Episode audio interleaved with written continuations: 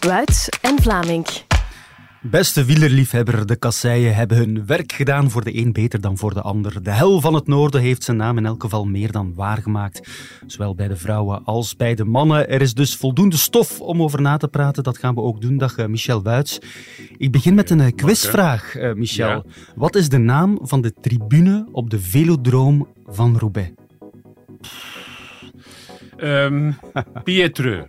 Nee, het is de... Dat is de naam van de, van de velodroom van zelf. de velodroom zelf, maar het is de tribune Raymond Polydor.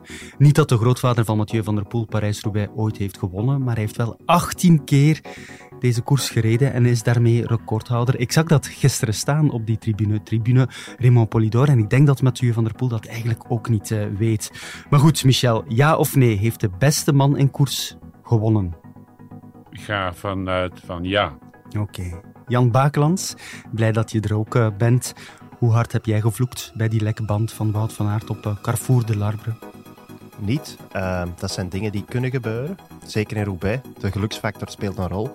Maar als neutrale kijker uh, vond ik het wel heel jammer. Want allee, het heeft de koers gekleurd. Ik denk dat we anders een sprint met twee hadden gehad. En ja, dat dat mooi geweest om een herkansing te krijgen van de sprint in, uh, in E3-prijs voor Mathieu dan. En een bevestiging uh, van de sprint in E3-prijs voor, voor Wout van Aert. Ja, dat is helemaal zo. Maar de vogel was gaan vliegen en die vogel luistert naar de naam. Mathieu van der Poel, als ik mij goed herinner, was jij gisteren de renner die zei ik rij niet zo heel graag over kasseien. Nee, het is echt iets speciaals, maar in wedstrijd valt het toch altijd beter mee dan in de verkenning. Maar ja, het blijft wel echt een aparte wedstrijd. Ja, je wint hier Parijs-Roubaix, je hebt Milan-Sanremo gewonnen. Beter wordt het voorjaar niet, denk ik, hè? Nee, uh, tweede in de ronde dan ook. Dus het is mijn beste voorjaar ooit. En uh, ja, ik kan alleen maar heel blij zijn. Het zou wel zijn, wat een uh, triomf voor Mathieu van der Poel. En daar gaan we natuurlijk zo meteen dieper op in. Maar wat als Wout van Aert niet lekker rijdt? Dat gaan we natuurlijk nooit 100% weten. Maar op basis van wat we tot dan hadden gezien... Wat zou de afloop zijn geweest, Jan? Goh, ik denk dat Mathieu zelf heeft gezegd dat ze allicht met twee gingen sprinten dan. En ik denk dat ik me daar alleen maar kan bij aansluiten. Veel meer kunnen daar ook niet over zeggen. Wat als fietst uh, gelukkig niet mee, want dan had uh, Jan Bakelans ook veel meer koersen gewonnen. dat is waar. Maar uh, Wout van Aert zat wel goed in de wedstrijd ook, hè, Michel? Ja, um, beter dan ik dat vooraf verwacht had. Hij heeft een wat somber beeld opgehangen in interviews. Ik vermoed dat hij dat met opzet gedaan heeft. Maar dat hij daarnaast ook wel echt uh, wat last had uh, van uh, die ribben en van die knie. Um, maar ik had hem niet op, op, dit niveau verwacht. Um, hij zat perfect in de wedstrijd. En het kwam er eigenlijk ook goed uit, achteraf bekeken, dat zijn ploegmaat Laporte dat hij een lekke band had. Omdat hij zich daardoor kon wegstoppen in die groep en niks moest doen. Hij heeft eigenlijk een goede 60, 65 kilometer continu op het wiel van Van der Poel gereden. Maar wat mij geweldig charmeerde, dat was dat bij die aanvallen van Van der Poel um, Van Aert in een blitz dat gat dichtreed. Mm -hmm. Sneller dan Van der Poel wegreed, reed hij dat gat toe. Dus dat deed mij hopen op winst van Van Aert op dat moment. Komt dat echt goed uit dat Laporte weg was gevallen, Jan? Goh, ik, ik betwijfel dat een beetje. Um, we zitten daar met met twee verschillende lezingen van allee, die wedstrijd Parijs-Roubaix. Dat zijn heel vaak dubbeltjes die op een kant vallen. En ofwel vallen die naar de goede kant, ofwel vallen die naar de slechte kant. Zoals ik Wout en Jumbo-Visma kende, is dat een ploeg die graag initiatief neemt. Door die lekke band is die wedstrijd gekanteld van zelf initiatief nemen, wat ze tot dan toe gedaan hadden en waarvan der Poel eigenlijk eerder volgde en de kat uit de boom keek, naar een uh, situatie waarbij uh, ja, we een turnaround krijgen met ineens Alpecin dat ook door die lekke band twee pionnen extra vooraan krijgt. En uh, Jumbo-Visma dus Laporte minder, waardoor dat Wout alleen zat. En waar in de Alpecin eigenlijk, uh, of elegant Alpecin, eigenlijk uh, de kans krijgt om het initiatief naar zich toe te nemen. En ja, we zien in heel veel wedstrijden dat zelf initiatief nemen toch vaak het meest lonend is. En ja, Wout is noodgedwongen in een situatie gekomen die voor hem ook nog wel vruchtbaar was, waar hij Zeer zich zeker. meedrijven. Maar ik denk dat hij zelf liever ja, meer uh, druk had kunnen uitoefenen. En dan had de persoon van Laporte uh, wel ja, een heel interessante pion geweest. Want we hebben daarvoor ook een actie gezien. De actie waarbij dat Wout eigenlijk het peloton uh, in stukken rijdt. Mhm. Waarbij Laporte overnam. En waar ik vond dat Laporte zelfs een betere indruk gaf. Meer kracht zetten. Ja. Dat in elk geval. Op dat moment was dat inderdaad een forse overname. Maar Als je met de rapport doorgaat, dan krijg je twee initiatiefnemende ploegen. Eh, Gaat het initiatief eh, dan eh, van Alpecin even groot zijn? Of gaan ze het dan overlaten aan de op papier beste ploeg? En wat als er dan moet gespeeld worden? Wie gaat dan eerst? Ik denk Laporte. En dan?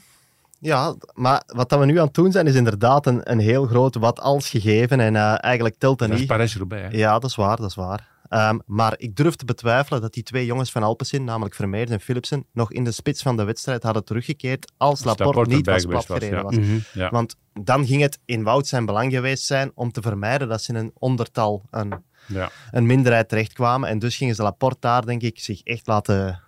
Ai, Maar ik ben er nog altijd van overtuigd dat als die was zoals ze nu was, dat die vruchtbaar was. En wat ook verstandig bekeken was, er is weinig aandacht aan besteed in de rechtstreekse, maar dat is dat eh, in die achtervolging met Laporte en eh, de tweede man daarbij, eh, wie was dat nu ook nog weer, die er ook nog eh, Van en Van Hooijdonk, ja. van Hooijdonk, ehm, met ook Vermeers daarbij, eh, dat die druk zetten. Want op die manier kon Van Aert zich in zijn ehm, veilige stelling houden. En kon hij blijven spelen op het wiel van Van der Poel. Mhm. Op een bepaald moment komen die jongens tot net onder de minuut. Dat weten Van der Poel en compagnie. En daardoor moeten zij het tempo blijven bepalen. Zij moeten En dat heeft ja. Philipsen mee uitstekend gedaan. Mhm. Dus ik zou Philipsen maar niet onderschatten. Nee. Wat een eventuele uitdraai betreft. Zeker en vast niet. Maar Mathieu van der Poel, laten we het even over hem hebben. De winnaar, die eh, reed volgens mij de perfecte koers. Volgens jullie ook?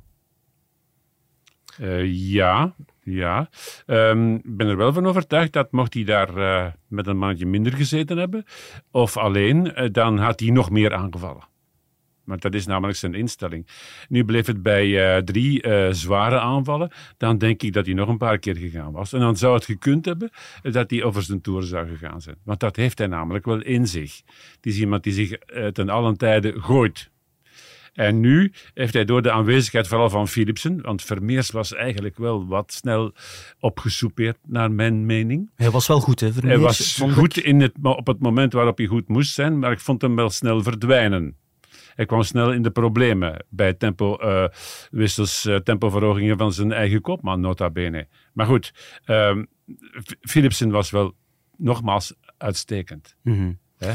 En daardoor kon Van der Poel zich ehm, na zijn derde poging wat meer in de luw te houden. Mhm. En dat heeft hem toegelaten om uit te halen aan het eind. We hebben het altijd over de dominantie van eh, Jumbo-Visma. Oké, gisteren hebben ze heel veel pech gehad. Maar gisteren, als je dan kijkt naar die eh, kopgroep, of naar, naar, ja, dan zijn daar toch vooral de mannen van eh, de Roodhoofd, hè, Alpes in de Koning, gisteren. Zij waren toch de dominante ploeg. Ja, aan het eind van het verhaal is een beetje eh, vreemd, of komt het vreemd over, dat eh, Jumbo-Visma op 100 kilometer van de streep de bressen slaat, de beteren isoleert, en dat ja, het mede door pech de tegenpartij in de meerderheid komt. Mhm. Er was achteraf ook wel gedoe rond de val van John Degenkolb. Gaat daar iemand, Mathieu van der Poel, Jasper Oh. Philipsen, in de fout? Mijn gevoel zegt van niet. ik vond dat echt, ja, nee, dat is, dat is een samenloop van omstandigheden en dat is, dat is spijtig voor John Degenkolb, maar niemand kon daar iets aan doen. Het is normaal dat Philipsen ook probeert op dat kantje te gaan rijden. Zet zo een beetje zijn eigen leider in de, in de wind, Eh alleen in, dat, in datzelfde gootje. En ja, Degenkolb die kon er niet meer bij. Je kunt niet met drie in die goot gaan rijden en die viel. Eh, heel jammer voor Degenkolb, maar ik denk niet dat die twee eh, van Alpecin daar iets aan kunnen doen. Of ze hebben dat zeker niet opzettelijk gedaan. Nee. Degenkolb is de eerste die op het kantje of in het kantje gaat rijden. Van der Poel ziet daar dan een opening. En Van der Poel, ja, die kan door elke opening, die wil op dat moment, meen ik, al een eh, soort van aanval inzetten. Die wil daar doorglippen. En op het moment dat hij dat doet, zakt ook Philipsen naar de kant. En dan komen ze ja, tot een triootje bij wijze van spreken.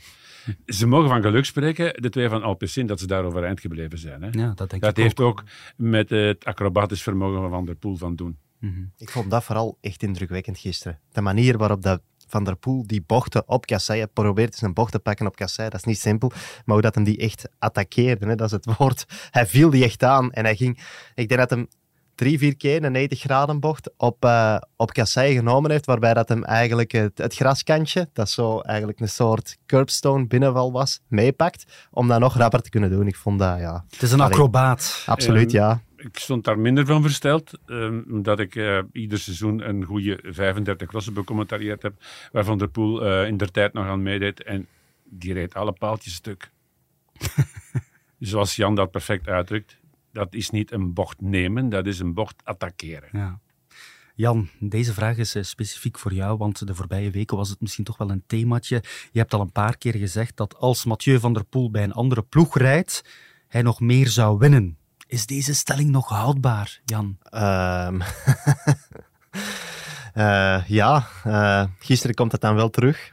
Eh, ik vind dat ik ze goed geprikkeld heb. Ze hebben eh, mij lik op stuk gegeven. Maar toch denk ik dat in bepaalde koersen ehm, dat nog altijd overeind blijft. Maar gisteren waren ze heel sterk. Maar kijk, vorig jaar, welk was in collectief de beste ploeg in Parijs-Roubaix vorig jaar? In collectief, vorig jaar. Ja, ik herinner mij vooral uh, Ineos. Um, in het begin van de wedstrijd, en zeker in het tweede uur, zijn die het uh, peloton gaan mennen. Uh, met Ganna die zich uh, opofferde. Je vroeg je dan af op dat ogenblik voor wie doet hij dat dan? Wel, uiteindelijk bleek dat dan toch van Baarda te zijn, die toen voor een goed begrip nog voor Ineos reed. Dat klopt, die waren ook heel sterk. Maar eigenlijk collectief aan de meet hadden Wanti, Mm-hmm. Vier of vijf renners in de eerste twintig, wat dat eigenlijk voor een kleine ploeg ja. Tom de Vriend was. Inderdaad, maar Tom dat kun je natuurlijk ook verwezenlijken door um, vrij passief meterij. Ja, ja, maar je moet er wel kun zitten. je uitslagen dat neerzetten. is waar, maar ja, je moet er inderdaad wel zitten. En het lag toch ook uh, voor de eerste tien lag het ver uit elkaar. Dus. Volledig mee eens. Maar probeer verder te onderbouwen jouw mening waarom Mathieu van der Poel toch nog meer zou winnen bij een andere ploeg, Jan. Goh, als je die bij Ineos zou inpassen, denk ik wel dat je daar ziet dat daar renners zijn die in, in koersen, like de Tour de France en ook ja, wat er nu aankomt, het, uh, de Gold Race, uh, Luik Bastenaken-Luik, waar Mathieu ook wel zijn kans heeft, hmm. uh, scenario's kan gaan schrijven die dat, koers in een, die, die dat soort koersen in een vast ramien leggen, waarbij Van der Poel zijn um, explosiviteit maar één keer moet uitspelen en zo de koers kan winnen. Dus op een economischere manier dat soort koersen kan winnen. Maar ik geef grif toe, wat, ey, Alpecin in uh, Milaan-Sanremo vond ik ze heel sterk. Ja. Uh, uh, als blok, met, met vooral Søren Kragh Andersen als, uh, als rechtstreekse luitenant. En dan, ehm, ja, vorige week was dat niet echt van tel om een sterke ploeg te hebben. Hij heeft ze ook te vroeg moeten gebruiken door dat foutje in de start. En nu gisteren, ja, dat was de exponent misschien.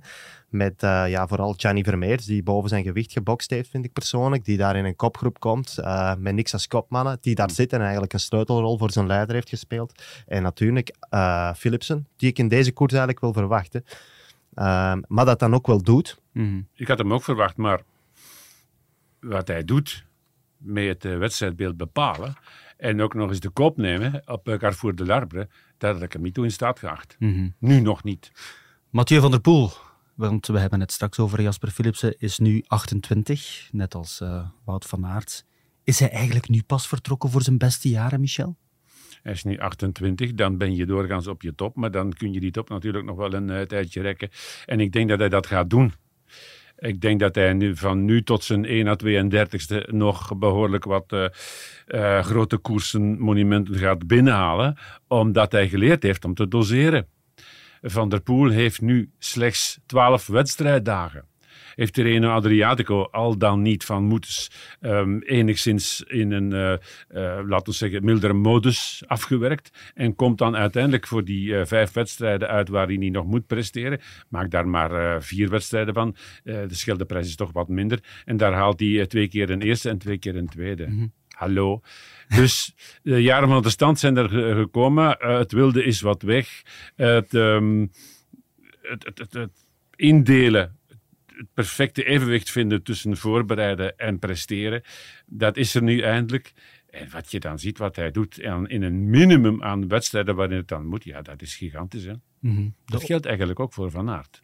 Dat denk ik ook, ja. Um, ik moet uh, steeds weer aan iets terugdenken. Bashir Abdi uh, komt hier in de atletiek een nieuw record vestigen op de halve marathon. En zegt dan, ik ga nu weer twee maanden op stage. Want ik wil er staan in Rotterdam, ik wil daar mijn beste tijd ooit lopen. Het wielrennen is 30, 40 jaar bezig aan een inhaalbeweging uh, naar het, de atletiek toe. En is uiteindelijk tot de jaren van verstand gekomen. Hmm. Less is more. Less is more, de onvermijdelijke vraag dan. Twee keer de Ronde van Vlaanderen, Milaan-San Remo gewonnen, nu ook Parijs-Roubaix. Moet Mathieu van der Poel van Luik-Bastenaak-Luik een uh, volgend doel maken? Als ik van Mathieu van der Poel was, zou ik vooral een doel maken van het wereldkampioenschap dit jaar. Uh, dat is iets dat niet elk jaar kan voor hem. Uh, voor geen enkele renner kan dat elk jaar. En ja, dat is eigenlijk voor mij het grootste manco op zijn palmares. Als er nog van mancos gepraat kan worden. Hij heeft geel gehad in de Tour. Hij heeft ritten gewonnen in de Tour. In de Giro, roze gehad. Hij heeft drie monumenten die hem op papier het makkelijkste voor hem binnen te halen zijn. Die of het best aansluiten bij zijn kwaliteiten al binnengehaald.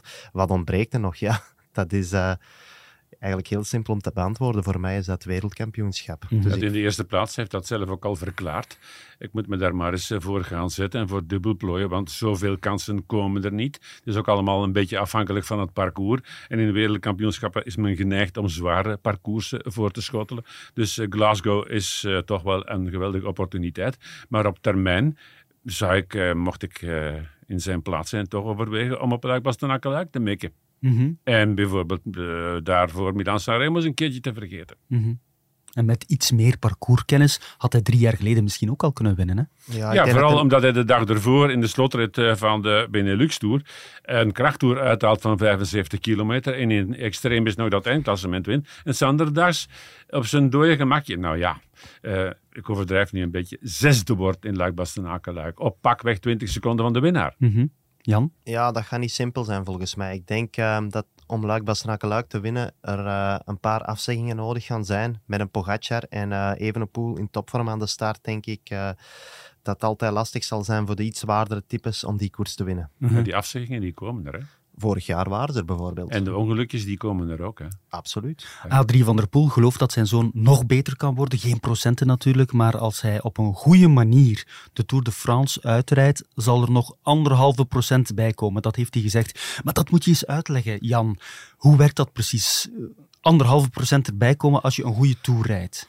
Ik denk dat je dat vooral merkt in het verschil in uh, wedstrijdhardheid. Uh, niet noodzakelijk dat je ineens een beter 10 of, of 20 minuten waarden op wattage gaat ga rijden. Dat niet. Maar uh, het aantal keer dat je die 10 of 20 minuten waarde of 5 minuten waarde in, in eerder zijn koersen kan rijden in één en dezelfde wedstrijd, zal waarschijnlijk wel toenemen door ja, drie weken af te zien. Dus ik denk van de jaar, dat is geen geheim dat de Tour de beste wedstrijd is om het wereldkampioenschap dat dit jaar in augustus zal plaatsvinden uh, voor te bereiden.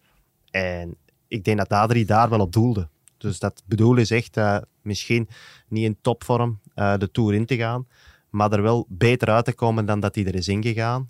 En zo um, van, van Glasgow een doel te maken. En ik Meer... denk misschien dat we daar zelfs het, hetzelfde scenario gaan zien als we nu hebben gehad in Tirreno, waarbij we eigenlijk openlijk vraagtekens plaatsen bij de vorm de paraatheid van, van, uh, van, van Mathieu van der Poel, maar dat we dan in, uh, in Glasgow weer uh, lik op stuk gaan krijgen. Mm -hmm. Negen kansen op tien komt de winnaar van het WK uit de Tour. Het is wel zo dat het net een beetje te lang is om volledig te profiteren van de supercompensatie. Um, ik denk dat er drie weken tussen zitten, tussen het eind van de Tour en het uh, WK.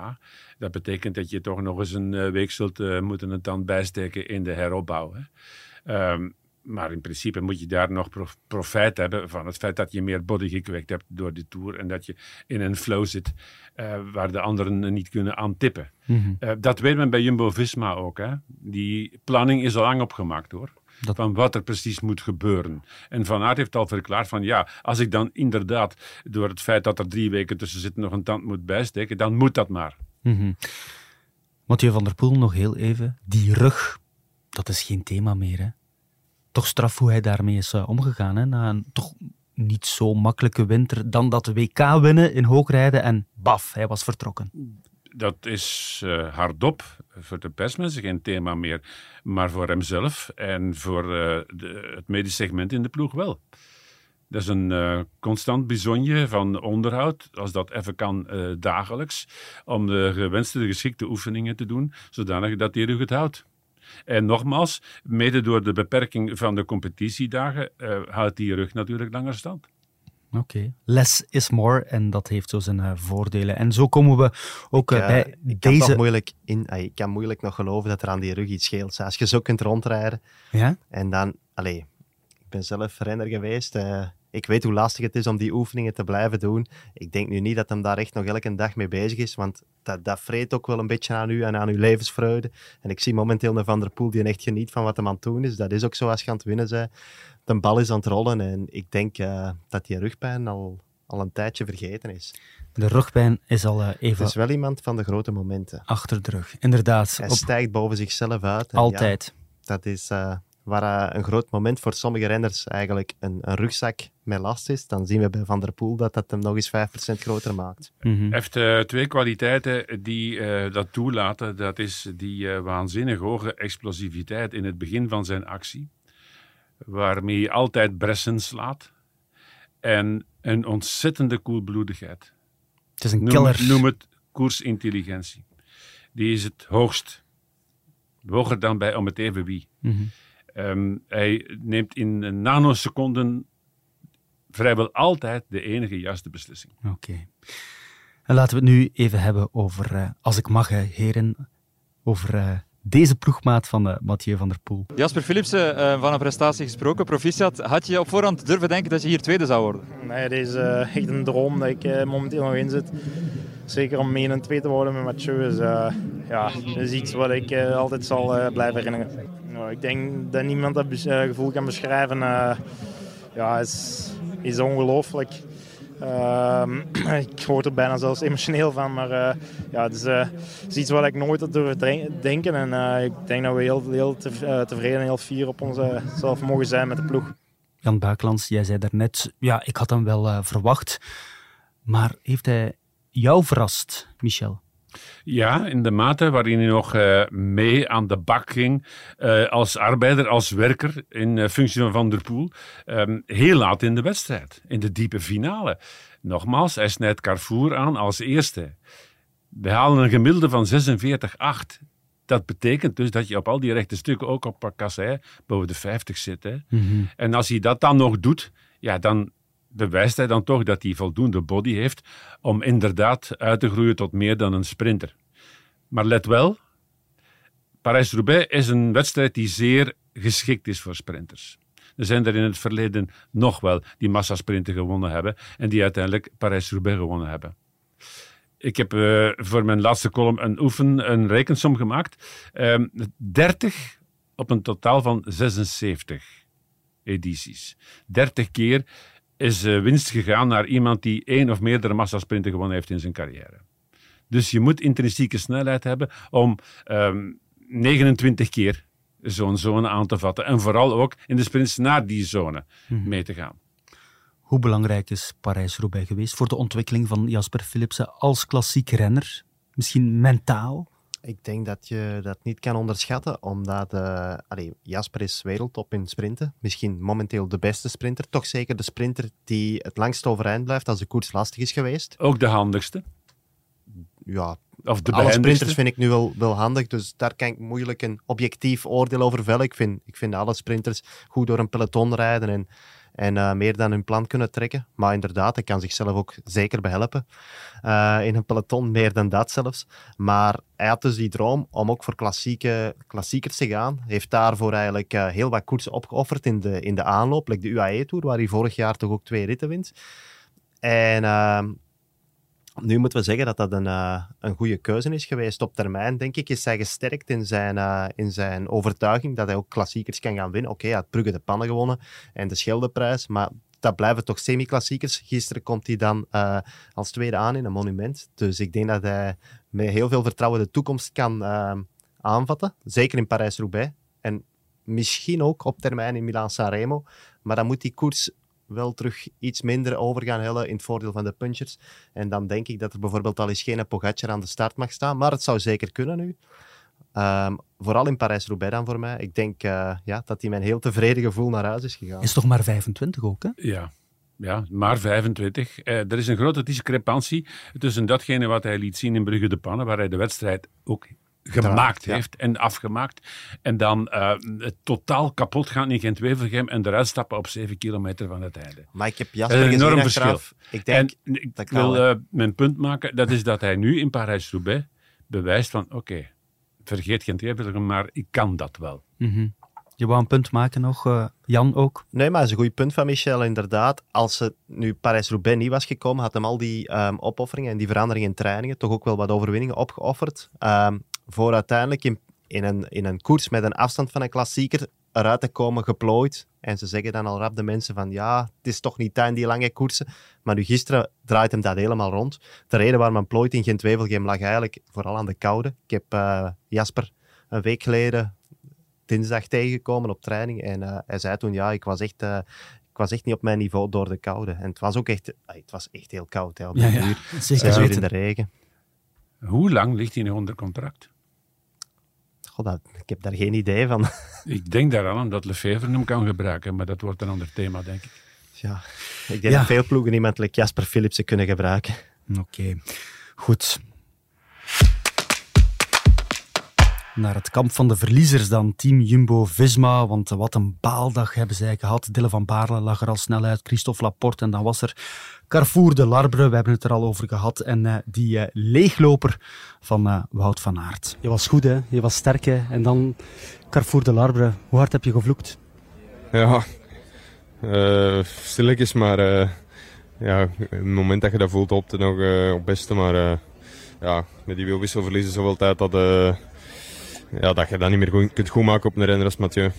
Kan je dan rustig blijven? Wat gaat er dan in, in je hoofd om? Uh, ja, ik heb zo snel mogelijk geprobeerd om daar nog het beste van te maken. En uh, ja, uh, dat vlak is makkelijk. ik hoef niet voor de tweede plaats te koersen. Dus die heb ik al bereikt hier. Dus ik heb vanaf dan altijd gereden om proberen nog terug te komen. Maar dat zat er niet meer in. Hoe verliep de koers voor jullie? Hoe heb je, hoe heb je de koers beleefd vandaag?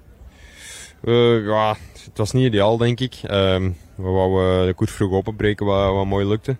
Um, maar ja, doordat Christophe wegviel in, in Bos van Wallers, uh, waren we plots ineens in, in een slechte situatie waar ik eigenlijk alleen in de kopgroep kwam te zitten met, met drie jongens van Alpecin. Um, dan heb ik ja, zo kalm mogelijk gebleven en het werk vooral aan hun overgelaten.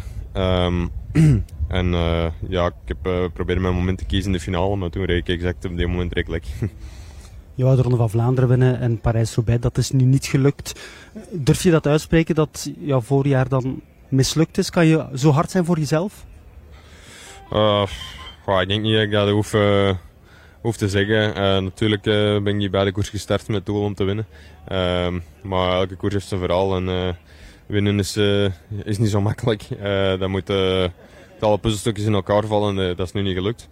Ehm, maar ik heb mezelf wel laten zien en ik ben trots uh, hoe dat ik uh, afgelopen weken heb, heb gepresteerd. Ik was altijd daar en als ploeg hebben we een fantastisch voorjaar erop zitten. En het zit er ook echt op, het voorjaar? Sowieso? 100%? Ja, zeker. dat was sowieso het plan. Um, ik, heb, ik, ben, ik heb nood aan rust. Nood aan rust. Heb jij Wout van Aert nog gehoord, Jan, na gisteren? Ik heb hem even laten doen. Het zal sowieso wel druk geweest zijn. En uh, ja, natuurlijk ook de ontgoocheling om uh, op zo'n manier uw kansen niet echt te kunnen verdedigen. Maar uh, straks zal ik hem wel eens een bericht sturen. En we zullen van de week nog wel eens gaan losrijden of een koffie gaan drinken, denk mm. ik. Maar bij een kampioen, want dat is hij natuurlijk. Als je op die manier verliest, hoe hard komt dat aan? Ja, toch wel hard, denk ik. Want allee, het blijft knagen aan u, de onzekerheid. Um, wat had het kunnen worden? Um, je kunt daar geen objectief oordeel over vellen. De wedstrijd is gepasseerd en is gegaan zoals, uh, zoals het gelopen is. Um, maar het is toch... Allee, hij zat waar hij moest zitten. Hij maakt die actie op Carrefour de Larbre. Deels ingezet door uh, dat manoeuvre van uh, Jasper Philipsen en, en John Degenkolb daar. En het, het, zag er goed uit. Mathieu was ook uh, zo groot om toe te geven dat hij allicht Wouter niet had afgekregen. En ik denk dat dat in beide richtingen geldt. En dan gaan we natuurlijk... Uh, we gingen er normaal voor gesprint hebben. En ja, dat, dat mooi geweest om eigenlijk die royale sprint te hebben aan het eind van een, uh, ja, van een groots voorjaar. Mm -hmm. Maar ja, het is niet. Voor mij blijft een uh, essentiële vraag onbeantwoord. Dat is wanneer begint die tube of die band leeg te lopen. Het slaat op, uh, in eerste instantie toch wel een behoorlijke bres. En dan zie je Van der Poel in de reactie en die maakt dan plots razendsnel terrein goed. Is daar dan al dat lek? Of is dat lek er gekomen op het moment dat Van der Poel al aangesloten is? Maarten Wijnands heeft voor gezegd, mij een verschil. Ja, Maarten Wijnands heeft gezegd dat het bij het moment dat Wout van Aert aanzet, hij ziet dat, er, dat hij een slipper maakt en dat het daar al gebeurt van, van bij het begin. En dat hij op, eh, ja, op 200 meter voor het einde van Carrefour de Larbre, dat Wout van Aert dan zelf aangeeft van ik ben lek, ik, ik moet Vind wisselen. Ik vind dat namelijk essentieel. Eh, Ik ga er wel vanuit dat Van der Poel zou teruggekomen zijn zonder lekke band van Van Aert. Hè? Maar het zou wel pijn gedaan hebben. Meer pijn dan nu wellicht. Mhm. Je weet dat pech meerijdt hè, bij Parijs-Roubaix, maar een lekke band valt daar nu echt niets aan te doen. Anno 2023, met al die nieuwigheden, ontwikkelingen, technologieën. Jan, Waarom, waarom valt het niet op in eerste instantie dat hij lek rijdt? Dat is omdat Wout tubeless rijdt. En Ja. binnen die tubeless band zit eigenlijk nog een, eh, ja, een moesse ehm, opvulsel in de, in de band. Dat eh, u in staat stelt, als een druk wegvalt, van toch nog verder te rijden. Daarom ook, hij komt van het asfalt, maar het staat niet plat zoals een tube vroeger plat stond. Dan zit je echt op de velg te rijden. Hier zit er zo nog een, een beetje een verend eh, gegeven in. Dat is die moes dat je ziet. Dus ze hebben wel voor, eh, voorbereidingen getroffen, ook met dat, eh, met dat kapsysteem. Maar dan zie je toch ja, hoe relatief dat, dat allemaal is. Want bijvoorbeeld Laporte reed daar gisteren mee met het kapsysteem. Ja, die rijdt al direct plat in, in het bos van Valers. En ja, waarom rijden plat? Ik kan er in mijn vinger niet opleggen. Ik heb twee renners in beeld gezien van eh, Jumbo-Visma en die zijn allebei twee keer lek gereden. Ja. En, eh, hè, want Van, der, eh, van Aert reed eigenlijk al lek nog voor het bos van Valers. Is daar eigenlijk heel kalm gebleven en vlot teruggekeerd. Maar dus die rijden plat. Bij Alpecin ehm, Elegant rijden ze met exact dezelfde, de- dezelfde banden. En ik veronderstel ook eh, met dezelfde melk. Ik weet niet hoe dat... allee, de melk is de, de substantie die er wordt ingedaan. Ik Latex. weet niet eh, wat die anders hebben gedaan, maar ik heb drie renners van Alpecin in beeld gezien voor drie uur koers en ik heb er geen enkele zien lek rijden. En vorig jaar was dat eigenlijk ook bij, bij Wanti, toen die met 34, 20 zaten, of misschien zelfs met 5. Ehm, waarom waren die zo talrijk aanwezig op het einde van die koers? Dat was omdat er eigenlijk niemand was lek gereden. Ja. Dus ja, hebben ze dat dan toch beter voorbereid? Hebben ze gaan ehm, zich terugplooien op de basics? Namelijk kijken hoe kunnen we de tubeless band optimaliseren en zich niet met allerhande science fiction gaan inlaten, zoals, eh zoals Jumbo-Visma en, eh, en, en ehm, Team DSM en een paar renners hebben gedaan. Want uiteindelijk, ja, dat was het verhaal dit jaar weer voor, voor de koers. Elk jaar voor Parijs-Roubaix hebben we zo'n James Bond eh, Q-story. Eh, wat, wat gaan we dit jaar weer maar uitvinden? is dat science fiction? Dat is toch gewoon wetenschap? Ja, dat is wetenschap. Maar uiteindelijk, het is ook zoals Bonen eh, van de vorige week nog aangaf. Voor Parijs-Roubaix vijsde ik alles wat stuk kon gaan eh, voor me, vooraf van mijn fiets af. En ja. Ja. ik denk dat ze dat gewoon... Maar dit- als je eraan vast, dat valt er toch Ja, af. dus dat, dat, dat inderdaad. En ik denk dan dat, dat Alpecin dat wel heel goed gedaan heeft, heel goed gemanaged. Die hebben gezegd, ja, wij hebben al dat speciaal spel niet nodig, maar we gaan wel ehm, zo goed mogelijk ehm, de basics in orde maken. Nu, er zijn in totaal bij Jumbo-Visma vier lekke banden geteld gisteren. Mhm. Over de volle afstand, over de zeven mannen verspreid in de ploeg. Dat valt nog enigszins mee, hè? Nee. Alleen zijn ze cruciaal. Zeven. Vier. Ah, vier. Ja, dat is niet veel. Dan hebben we die alle vier in beeld gezien nog eens. Ja. Dus Vier. de ploeg moet niet beginnen twijfelen aan het materiaal. Ehm, Het is hetzelfde blijft wel- materiaal als Het blijft wel Alpecin, een permanente zorg, want ze hebben er wel een geschiedenis in. Ja, Het is een opeenstapeling van. Maar nu wordt het nog meer geaccentueerd, omdat het op essentiële momenten gebeurt. Hmm. Aan het eind van de twee meest vermaarde kasseistroken met name. Een sporter wordt eh, afgerekend op eh, resultaten. Hoeveel op 10 moet eh, Wout van Aert zijn eh, voorjaar geven? Goh, 8,5 op 10. Hij was op de afspraak, hij was goed. Ehm, hij heeft drie monumenten betwist, waarin hij drie keer mee heeft gedaan voor de prijzen. Op het podium stond in twee van de drie. Eh, vierde werd in het derde. Dus dan, dan, was je, dan was je heel goed. We spreken van de grote drie. Ehm, maak een tabel van eh, de drie podiumplaatsen in die drie koersen. Dan heb je negen ehm, podiumplaatsen te verdelen. En dan is dat quasi allemaal netjes verdeeld tussen die grote drie. Met af en toe, nee, met elke koers één onverwachte of minder verwachte naam ehm, die niet tot die grote drie behoort op het podium. Dus dan kun je zeggen dat je heel goed waart. Waar is het misgelopen? Ik denk dat dit een goede bout was, maar niet de briljante woud die we bijvoorbeeld vorig jaar in de Tour hebben gezien. Er waren wat calamiteiten. Er was de ziekte na het WK veldrijden. Daar wordt al niet beter van. Dat maakt die stage suboptimaal. Heel goed gemanaged volgens mij hoewel ik daar initieel ook mijn twijfels bij had, door uh, Strade Bianca over te slaan. En dan, ook niet te onderschatten, toch die valpartij uh, in uh, Tirreno Adriatico, die ook Tirreno weer net in plaats van super, want hij had daar anders wel een rit, misschien twee ritten gewonnen. Die rit met name. Ja, net, ja, ja, van vallen worden nooit beter. Dus van, we, we spreken zelfs niet van suboptimaal. Die Tirreno Adriatico gewoon eigenlijk echt ja, een wedstrijd maakt die Wout allicht niet beter heeft gemaakt. Op vlak van zijn stats zou hij als voetballer een man van 50, 60 miljoen zijn nu. Leg eens uit. Ja, de stads uh, van Milan-San Remo tot nu Parijs-Roubaix. Uh, een vierde is een slechtste. Ja. Hè? Het is alles, een topper, hè? Daar alles is iedereen beter, het over eens. Alles is beter. Dan zeg ik ook van, ja, Jan heeft gelijk met zijn 8,5. Ja. Maar er is dat algemene beeld, um, dat is begonnen in de E3. Uh, dat heeft zich doorgezet in de Ronde van Vlaanderen. Dat was gisteren in mindere mate het geval. Op alle essentiële punten moest hij achterna hollen. Hmm. Ik heb hem nergens op gisteren na een initiatief zien nemen. Dat... Wel, wel in Gent-Wevelgem. Maar in Gent-Wevelgem vond ik de bezetting in de wedstrijd niet navenant en heeft het slechte weer um, en mede het feit dat men daar vooral op sprinters speelt bepaald dat hij daar zo kon uithalen. Het komt eigenlijk ook altijd op hetzelfde neer. Voor wie moet hij de duimen leggen bij al die aanvallen? Van der Poel en Pogacar. Voor iemand anders niet. Voilà.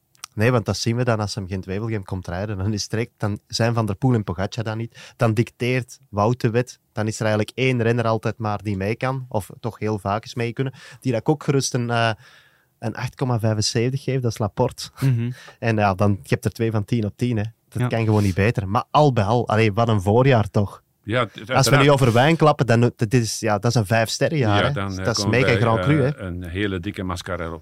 Um, maar, maar, maar, de ploegleider van Jumbo-Visma, Marijn Zeeman, heeft voor de Ronde van Vlaanderen wel gezegd dat het voorjaar van de ploeg nog niet geslaagd was. Ja, Daarvoor moest er een monument uh, bij komen. Dat is toch ook wat uit verband getrokken. Dat is toch, dat is toch jullie job om op zo'n uitspraken voor te borduren en daar dan iedereen aan te laten Uh, aan te herinneren? Ja, maar hij heeft het wel gezegd. Verwachten wij dat zelf ook niet?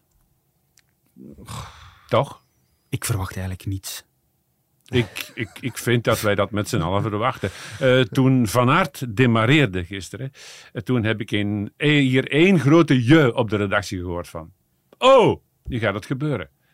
Het is een Belg, hè? Ja, men leeft mee, hè? Tuurlijk. En Als de Rode vooral spelen. En dat men dan vooral mikt op de Ronde van Vlaanderen en op Parijs-Roubaix. eh, koersen die bij eh, wat eh, minder weer en kijkdichtheid halen van 1 miljoen 6 en miljoen 7. Dat is logisch, hè? Zeker weten. dat men daar naartoe leeft en dat men daarop hoopt. Dus ik, eh, ik neem dat eh, Zeeman niet kwalijk, nee. Oké. Je moet op een bepaald moment voor je ambities durven Ja, uitkomen. dus dat, ik vind dat eigenlijk ook echt niet erg. Ehm, dat is een beetje zoals Evenepoel vroeger was en eigenlijk nog altijd. Waarom kom jij naar de Giro straks, Remco? Ah, ik kom om te winnen. En die heeft dat altijd wat gehad, maar dat is onbelgisch om een ambitie uit te spreken. Natuurlijk komt een ploeg like Jumbo-Visma met dat budget, met die renners, met die kern, om monumenten te winnen. Maar als dat niet lukt, betekent dat niet dat zij over de hele lijn gefaald hebben. Integendeel. Maar gisteren stond ik aan de bus, Jan, en ik kan u verzekeren, het, uh, de gezichten van iedereen, van Richard Plugge, Arthur van Dongen, Maarten Wijnands, Nathan van Hooydonk, de ouders van uh, Wout van Aert, stonden allemaal op onweer. Dat kan Ja, ik dan moeten ze de gezichten in een juiste plooi leggen in het besef eh, dat ze de andere eh, World Tour wedstrijden hier eh, van ons karakter op eh, Vlaamse bodem, dat ze die allemaal gewonnen hebben. Dat is waar. Vijf klassiekers gewonnen. En ik begrijp ook wel dat hun gezichten gisteren bedrukt waren. Uh, Dat is onmiddellijk na de wedstrijd Ja, maar natuurlijk. ook, allee, ze zijn eigenlijk, ik blijf erbij, Van der Poel is de terechte winnaar, maar ze zijn eigenlijk ook niet op hun waarde geklopt. Op hun waarde geklopt geweest had geweest sprint Van Aert, Van der Poel, Van der Poel die Van Aert erop legt in de sprint. Nu kwam het, er zijn te veel omstandigheden geweest om te kunnen zeggen dat Jumbo-Visma eerlijk zijn kansen heeft verdedigd. Van Baarle ligt tegen de grond in het bos van, in het bos van Valers. Um, de situatie daar is optimaal voor, uh, voor Jumbo-Visma. Ze hebben Laporte en Van Aert in een groep van, ja, hoeveel was dat? Zes, zeven man. Ja. Um, Laporte rijdt lek, alles draait om. En op, dan op, de, op de moment suprem, op een, op een moment dat er geen rechtzetter niet meer aan zit, dat een lekke band echt wedstrijdbepalend is, rijdt inderdaad Van Aert nog eens lek. Ja, dan, uh, dan kan ik begrijpen dat je is heel stevig vloekt. Belangrijker voor Jumbo-Visma is nagaan hoe het komt dat Van Aert dat tikkeltje explosiviteit tekort komt om Van der Poel te volgen. Dat heeft natuurlijk met de kwaliteiten van Van der Poel te maken, maar dat heeft ook met de haperingen, eh, de, de verhakkelde opbouw van Van Aert te maken. Eh, van Aert heeft uh, behoorlijk wat gekrost, 15, heeft daar het volle pond moeten geven, maar heeft toen in de zijn trainingen nog geen enkel explosief accent gelegd, of quasi geen. Hij zou wereldkampioen proberen te worden zonder daar specifiek voor te trainen. Hij gaat dan op hoogtestage en dan valt daar een week tussenuit. Dat betekent dat dat specifiek trainen eh, op explosiviteit bergop, dat dat weer uitgesteld wordt. Ik vraag me af, is hij daar überhaupt toe gekomen in zijn voorbereiding dit seizoen? Dat is uh, Goh, ik vind, ik vind Niet dat een beetje een overtrokken discussie over die explosiviteit. Maar ik heb die met mensen van in de ploeg van Jumbo-Visma ook al gevoerd. Goh ja, gaat Nee, ik heb dat die zelf niet zo, natuurlijk. niet zo Het ervaren. is trainbaar, hè Jan? Het is trainbaar, maar we spreken wel over een gebrek aan explosiviteit ten opzichte van twee van de beste renners ter wereld. Ja, En- volledig akkoord. Maar Ik- ik ben ervan overtuigd dat als Van Aert, want Van Aert van de voorbije jaren was in bepaalde wedstrijden net iets beter dan de Van Aert die ik nu dit jaar gezien heb. Nogmaals, Van Aert is niet in staat geweest in die wedstrijden, zoals de Ronde van Vlaanderen en de E3, om een initiatief te nemen om zelf gaan aan te vallen. Heeft het moeten ondergaan. Nee, maar waar, in de wedstrijden waar je van spreekt, waar het gebrek aan explosiviteit daar was, moest Van Aert, maar eigenlijk ook Mathieu van der Poel, de wet ondergaan van de sterkste, namelijk de wet van Pogacar. En wat deed hij? Dat was twee keer hetzelfde recept. Dat was zo'n hoog tempo rijden op de enige langere inspanning die er is. Dus echt een inspanning die voor ehm eh, Pogacar eigenlijk net over zijn, Ja, over zijn ja. omslagpunt is, maar die voor ehm, Van der Poel en in nog grotere mate voor Van Aert dermate over het omslagpunt is dat Ja. die zo verzuurd zijn dat die inderdaad die een explosiviteit krijgt, klauw, eh, Ja, maar in de Ronde van Vlaanderen is het wel zo dat hij eruit gekletst wordt op de Kruisberg door Van der Poel. omdat dan waarschijnlijk zo kapot gereden was En door dan zegt Van der Poel op dat moment van, we kennen ondertussen zijn zwakheden. Ja, allee, als dat zo eh, door, als dat zo doorgerekend en bestudeerd is, vind ik dat wel knap. En dan vind ik dat dat deel uitmaakt van een groter plan, zoals ook Jumbo-Visma een groter plan had op de, op de Galibier ehm, in de Tour. En dan krijgen ze eigenlijk hetzelfde recept nu. ehm hij heeft de boemerang teruggeworpen. Dus dan, dan vind ik dat van die andere ploegen wel blijk geven, als ze het echt zo bekeken hebben, ehm, van, eh, van een heel grote eh, strategische en tactische intelligentie. Je, je raakt daar een eh, gevoelig punt aan. Je gaat naar de Tour. Je, kan, je moet natuurlijk wel een evaluatie maken aan het eind van dat voorjaar. Maar je kan de prestaties van Van Aert niet loszien van wat hij in de Tour jaar na jaar doet. Nee. Maar goed, we hebben het nu over het eh, voorjaar, Ja. Michel en Jan. En we moeten het ook toch nog even over eh, deze ploeg hebben. Want het eh, voorjaar tot nu toe is wel mislukt voor uh, Soudal uh, Quickstep. De buit in het klassieke werk is uh, nul. Patrick Lefevre was dan eigenlijk ook wel uh, eerlijk in zijn analyse. Maar wat is nu het gevoel, nu na Parijs-Roubaix? Ja, ik voel me slecht natuurlijk. Uh, dat, dat, was een van onze koersen waar we altijd schetterden. En ja, door omstandigheden uh, lukt het nu al twee jaar niet meer. Er komen nog koersen aan, maar dat is dan uh, voor een ander soort renners. Ja, dat is een mager troost. Dat hebben we nu nog Brabantse pijn, maar dat zullen waarschijnlijk die renners die niet meer zijn. En trouwens, zal ik ze nu in een busje zetten? Ballerini, dat zal misschien ook niet kunnen rijden. Uh, Julian heeft nog uh, miserie met zijn knie. Uh, van zijn val in uh, Ronde Vlaanderen, dus die, die gaat al oud zijn tot uh. Uh, dan zal het waarschijnlijk moeten komen aan de jongens van Baskeland. Blijf je erbij? Als we Luik, Bastenaken, Luik winnen, is het voorjaar alsnog geslaagd? Ja, tuurlijk, dat is hetzelfde vorig jaar. En uiteindelijk, uh, we hebben vandaag hebben we 20 overwinningen en 20 uh, tweede plaats, wat hij mij ook al uh, zuur opbrengt. Maar ja, het is zo. Um, we kunnen er ook niet aan doen. Misschien winnen we nu een beetje meer op het terrein dat jullie niet gewoon zijn. Of jullie minder volgen. Maar winnen is winnen. Maar als ik het leuk vind, uh, als ik mijn Vlaamse, Vlaamse bril aan doe, niet natuurlijk. Toch een beetje aan het balen, hè, Patrick Lefevre. Ja, het is uh, geen prettig gevoel natuurlijk als je dat domein gedurende 13, 14 jaar gedomineerd hebt en je moet dat prijsgeven. Je zag dat, zoals hij zelf ook aangeeft, vorig jaar al. En uh, wat zijn probleem is, dat is dat hij gebonden uh, is aan contracten die nog lopen tot eind dit jaar. Dus hij kan daar niet zomaar meteen een omwenteling in teweeg brengen. Mhm. Ik denk dat de enige oplossing is aankopen. Aankopen. Ja, we moeten ook een beetje nuanceren. Vorig jaar, denk ik, had Lampaard derde kunnen worden. En ehm, ja, die werd schandalige wijze uit Dat is koers voor. Lefevre niet genoeg. Nee, dat is op zich niet genoeg. Maar allee, dit jaar vind ik echt wel... ehm, ik, had, eh, ik had veel meer verwacht van Parijs-Roubaix voor hun. Eh, vorige week in de Ronde van Vlaanderen vond ik eh Asgreen toch blijk geven van initiatief en proberen... Ja, hij was niet de sterkste, maar door eh, een goede tactische insteek er het maximaal uit te halen. Ik had dat nu terug verwacht, Ze maar... hadden wel veel pech, hè? Oh, Misschien nog meer dan oh, Jumbo-Visma. op die eerste strook hè, zag je Asgreen al eh, achteruit tamelen. Zag je Seneschal al emmeren. Ja, dan weet je van, dit is een inhaalrace. Dit komt niet goed. Ja, nee. Dit komt niet goed, want men rijdt vooraan 50 per uur. Vergroot dit, deze situatie voor Soudal Quickstep, voor de ploeg van Patrick Lefevre, nog meer de druk op Remco Evenepoel? Want die nieuwe sponsor, Soudal, zal toch stilaan staan popelen. Hè? Die willen toch hier, ook hier in Vlaanderen of in België eh, scoren en iets meemaken. Eh, voor de meeste bedrijven is het zo dat de Tour, eh, wat de return on investment betreft, eh, alles bepalend is. Hmm. Dan krijg je 70% van je, datgene wat je erin steekt, krijg je terug. 70%. Dus de Tour kan heel veel goed En maken. de Giro?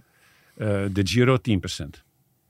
Bij de meeste bedrijven is dat zo. En de Vuelta ook 10%. En dan komen de klassiekers nog om die resterende eh 10% in te vullen. Hmm. Waarbij Parijs-Roubaix aan on top is. Ja. Voor, laten we zeggen, 3,5%. Maar niet meer druk voor eh, Remco Evenepoel, Jan. Nee, dat is, allee, die twee zaken staan los. Want anders ehm, had Remco Evenepoel... Ja, eigenlijk is hij echt heel goed aan zijn jaar begonnen. Hè. Mhm. Vergeet het niet. Die is wereldkampioen. Die wint al de UAE-tour. Wint twee ritten in Catalonië. Maakt het eh Roglic lastig. De grootste uitdager voor de Giro. Dus ehm, ja, ik denk dat wij dat allemaal wat overtrekken.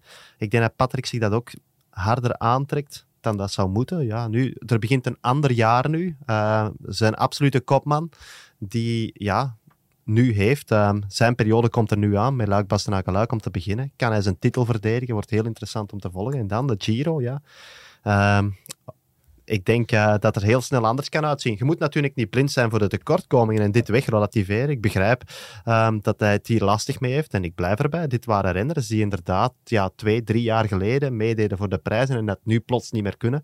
Dus daar moet eens iemand tegen het licht gaan houden, gaan analyseren. Waarom zijn renners die bewezen hebben, zoals een Asgreen en, en Lampaard eh, in door Vlaanderen, die die koersen kunnen winnen, nu niet goed genoeg meer om, om mee te spelen. En hoe kunnen we dat veranderen? En hoe kunnen we er terug meer het maximum gaan Eh, uithalen? De hamvraag is, eh, zijn de momenten van de renners die je noemt, zijn die niet voorbij?